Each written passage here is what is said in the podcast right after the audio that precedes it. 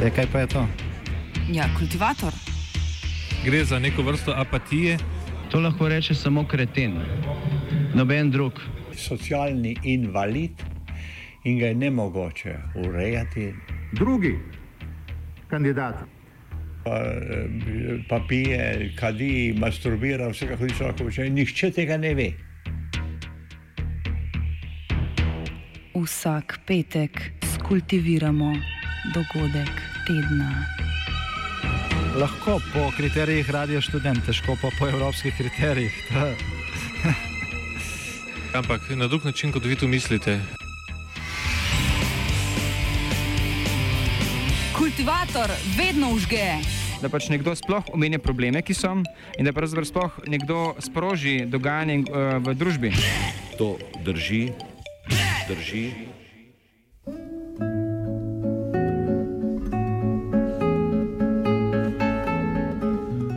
Obala je smeti. Prebivalce in uživalce slovenske obale je v začetku tedna po celotnem obalnem pasu pričakala gmota smeti. Te so kmalo dosegle obalo in povzročile odziv okoljevarstvenih prostovoljcev, ne nazadnje pa tudi oblasti. Največje količine odpadkov so opazili in očistili med Izolo in Koprom ter v Koprskem mandraču. Prostovoljci, komunala in druge pristojne službe so v zadnjih dneh pobrali približno 20 kubičnih metrov smeti.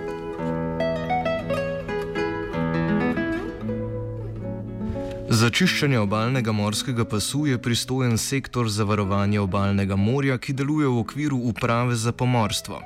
Njen vodja Arturo Štefe pojasnjuje, da je obseg smeti obvladljiv in ne predstavlja kakšne ekološke katastrofe. Ja, zdaj, eh, tako bom rekel, eh, ne moramo govoriti o neki katastrofalni količini odpadkov. Ne? Lahko govorimo samo o povečanem eh, rekel, obsegu odpadkov, ki se je v določenem trenutku eh, nabralo. Ne? In uh, je bilo dosti bolj, uh, rekel, navidno ljudem. Te odpadki stalno plavajo po morju in jih nekako pobiramo po morju, da ljudje nekaj ne vidijo. Potem, kadar pa to doseže obalo, vsak, ki se sprehaja po obali, po pristaniščih, ne to vidi in potem gleda to bolj, bom rekel, grdo za videti. In normalno potem mediji to poročajo in seveda zgleda, kot da je to za neka zadeva katastrofalna. Kar pa ni to, ker smo dokazali, da v dveh dneh smo zadevo očistili in zdaj sicer nadzir smo na morju, eh, nadziramo situacijo, preverjamo, kje se bi lahko še kaj pojavilo in pač sproti čistimo zadeve. Štefan Trdan z Inštituta za vode Republike Slovenije se strinja, da ne gre za katastrofalno onesnaženje, obenem pa povdarja, da je količina smeti v Severnem Jadranskem morju občutno večja kot običajno. To pripisuje morskim tokovom in vetru ta pojav, ki se je zgodil zdaj v zadnjih teh dneh, je skoraj sigurno v veliki meri pripisati uh, nekim uh, pogojem, ki se v tem trenutku to, bi, to gre predvsem za, se pravi, za uh, uh, jugo, se pravi za veter, ki piha iz juga. In pa uh, verjetno tudi za, uh, bom rekel, tokove uh, v, v tem delu, ki prenašajo te smeti sem. Zdaj, da bi bilo to uh, tako, tak dogodek, ki se je zdaj zgodil skozi prisoten, definitivno ni. Uh, je pa uh, tukaj en dokaz, oziroma bom rekel, uh, en indic, da uh, smeti plavajo v, uh, v tem delu Jadrana, so prisotne, prihajajo z večjih virov in, uh, in ta dogodek nam je v bistvu zdaj pokazal, da je tega kar precej v našem morju. Tokratno onesnaženje se od siceršnjega vsakoletnega razlikuje tako kvantitativno kot kvalitativno. Štefe poudari, da so v tem letnem času vajeni drugačnih odpadkov. Večinoma v tem obdobju dobimo uh, večje količine lesa, pa uh, drevesa, ki se lahko rekel že polodansko, oziroma tudi v jesenskem uh, času. Uh, spet tako še pa je bil, da se je zdaj pozbrali polno teh plastik, PVC-ja in teh, eh, bom rekel, odpadkov nekako se je združilo z dejevjem in z uh, drstičem, ki je bil v trenutku vodi. Na sektorju za varovanje obalnega morja povdarjajo, da se redno odzivajo na večje količine smeti v morju, ne glede na turistično sezono. Živim čiščenje poteka non-stop, kadar se pojavi nekaj nesnaženja, nekaj, da se stoti, zelo reko, odstranjuje. Ne? Uh, v določenih obdobjih pride malo več, ne, določenih malo manj. Se pravi, po potrebi potem aktiviramo sile, koliko je zdaj. Če smo mi dovolj, da smo sami očistimo, če rabimo pomoč, pač pokličemo še pomoč, ne, od zunaj. Tudi Trdan poudarja, da je predvsem država odgovorna za čiščenje odpadkov z morja. Obenem opozori, da je še veliko prostora za izboljšave in da velik del smeti očistijo bodi si prostovoljci, bodi si tisti, ki jim čista obala predstavlja ekonomski interes. Država Republika Slovenija izvaja, izvaja monitoring oziroma spremlja stanje teh odpadkov. Uh, so tukaj tudi druge službe pristojne, kot je služba za uranje obalnega morja, SWOM, ki to počne in seveda v, v poletnih oziroma v bolj teh turističnih mesecih se plaže čistijo tudi strani lokalnih skupnosti, kot so hoteli, kempi in tako dalje. Tako da v tem pogledu je odstranjevanje teh odpadkov, ki jih najdemo na obali, je poskrbeno za to. Lahko bi se pa skoraj sigurno, ne kot v katerem koli drugem primeru, lahko storilo več. Štefe ob tem opozori na pomankanje sredstev za polno opravljanje nalog, ki so jim naložene po postavi. Poleg tega pove, da taktično večkrat počakajo, da se smeti zberejo na enem mestu, saj jih je potem lažje pospraviti. To v javnosti ustvarja vtis, da se dela premalo. Ja, zdaj se to nikoli ni dovolj, ne, ker je torej treba čistiti. Seveda, mi se trudimo po najboljših močeh eh, proti zadeve eh, sanirati se pravi, večje kose, ki predstavljajo nevarnost za plovbo, shranjujemo ročno. Ne? Uh, kot je bilo zdaj v tem primeru, pa v bistvu je, bom rekel, bolj smotrno počakati, da se ta, bom rekel, velika količina uh, ne, manjših uh, vrečk, govorim, pa teh mrežic, zbere na enem koncu in potem je lažje to um, pobirati gor. Ne? Kot največji virus nasnaževanja se pogosto omenja italijanska reka Pad. Ta teče skozi dve večji italijanski mesti Torino in Milano. V slednjem je bila denimo šele leta 2002 vzpostavljena čistilna naprava, na kar so dolgo časa opozarjale pristojne evropske službe. Pa tudi sicer ekosistem reke vznemirjajo take in drugačne ekološke katastrofe, spomnimo zgolj na izliv nafte leta 2010. splošen okvir. Ne? Imamo mednarodno pravo, imamo pravo EU, ki ureja vprašanje nasnaževanja recimo Jadranskega morja in potem znotraj tega prava obveznosti posameznih držav, uh, iz katerih lahko torej, prihaja nasnaževanje v Jadransko morje in te obveznosti so, kot sem rekel, povezane z raznimi ukrepi, s katerimi bi se moralo doseči prepreč, preprečevanje pretiranega onesnaževanja. Ne vsakršnega, ampak pretiranega. In seveda vsaka država mora svoje ukrepe izpeljati. Če jih ne, obstoja sicer cel sistem nadzora nad tem, ne, tudi recimo, če gre za mednarodne pogodbe, je ta sistem nadzora določen s temi eh, mednarodnimi pogodbami, recimo z Barcelonsko konvencijo, če gre za pravo EU. Uh, Tole je bila napačna izjava, za napako se upravičujemo, zdaj pa res štefe. Eden od velikih eh, nesreževalcev je sigurno reka Pad, mi pa edini, eh, to moramo biti eh, najjasni. Ne? Vse reke, rekel, ki se izzivajo v Izransko more, ne? so potencijalni onesnaževalci, pa tudi drugi, bom rekel, viri. Ne? Rekel, še zmeraj največ pa je človeški faktor tukaj, ne? ker v bistvu odmečemo stvari v morje, oziroma vse posod. Tako da žal je dol tudi na Hrvaškem, sem preverjal, ne? Imajo tudi probleme, pa tudi v Črni Gori isto imajo zdaj velik pritisk odpadkov, tako da ni eh, lokalnega značaja. Ne.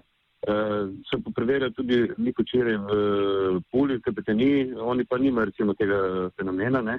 Uh, edino tukaj v Savudri so doznali nekaj uh, malega, ne. tako da sem pričakoval, da bo več, večji del, da bo bil uh, onesnažen. Očitno pa se je tukaj skoncentriral sem v naši zadev. Reka Pad kot možen izvir onesnaževanja postavlja tudi vprašanje pravne odgovornosti.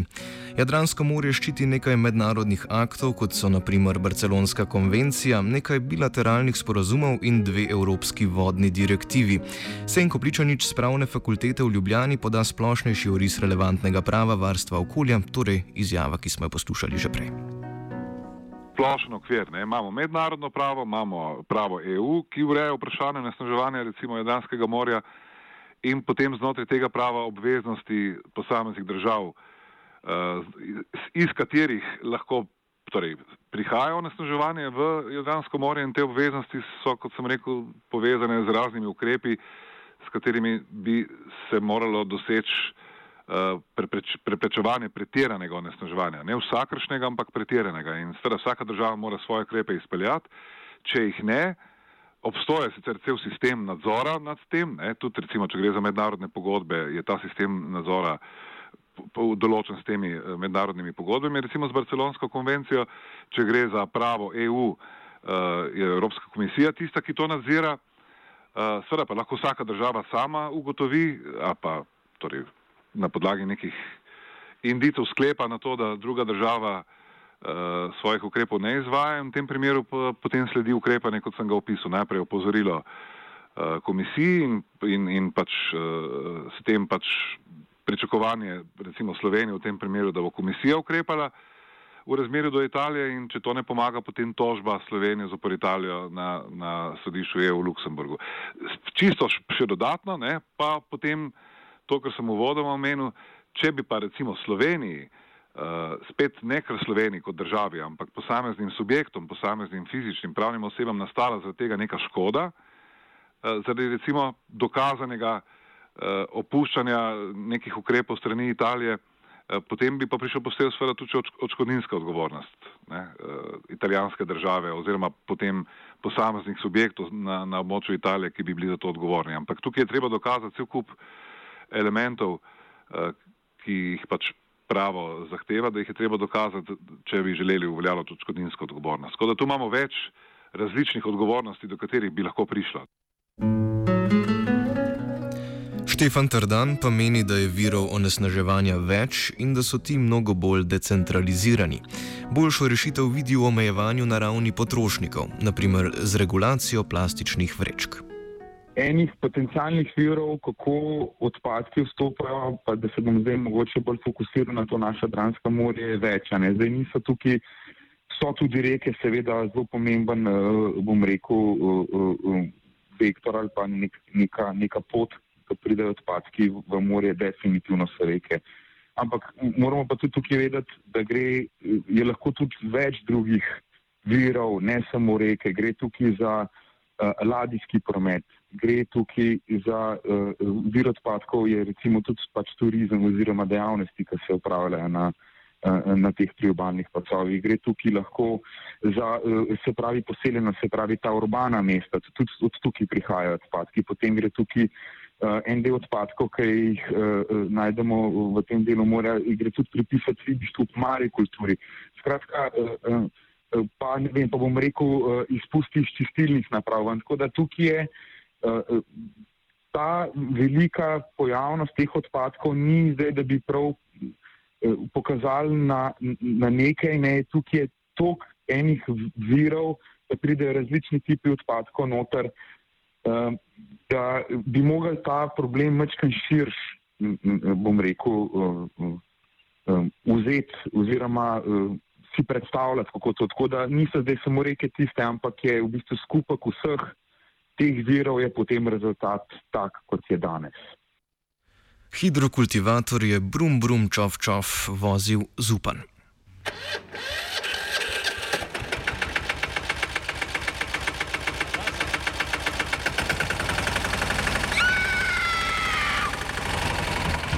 E, kaj pa je to? Ja, kultivator. Gre za neko vrsto apatije. To lahko reče samo kreten, noben drug socialni invalid in ga je ne mogoče urejati. Drugi kandidat. Pa, pa pije, kadi, masturbira, vse kako ti človek počne, nihče tega ne ve. Vsak petek skultiviramo dogodek tedna. Lahko po kriterijih radio študent, težko pa po evropskih kriterijih. Ampak na drug način, kot vi to mislite. Kultivator vedno užge. Da pač nekdo sploh omenja probleme, ki so, in da pravzaprav sploh nekdo sproži dogajanje uh, v družbi. To drži, drži.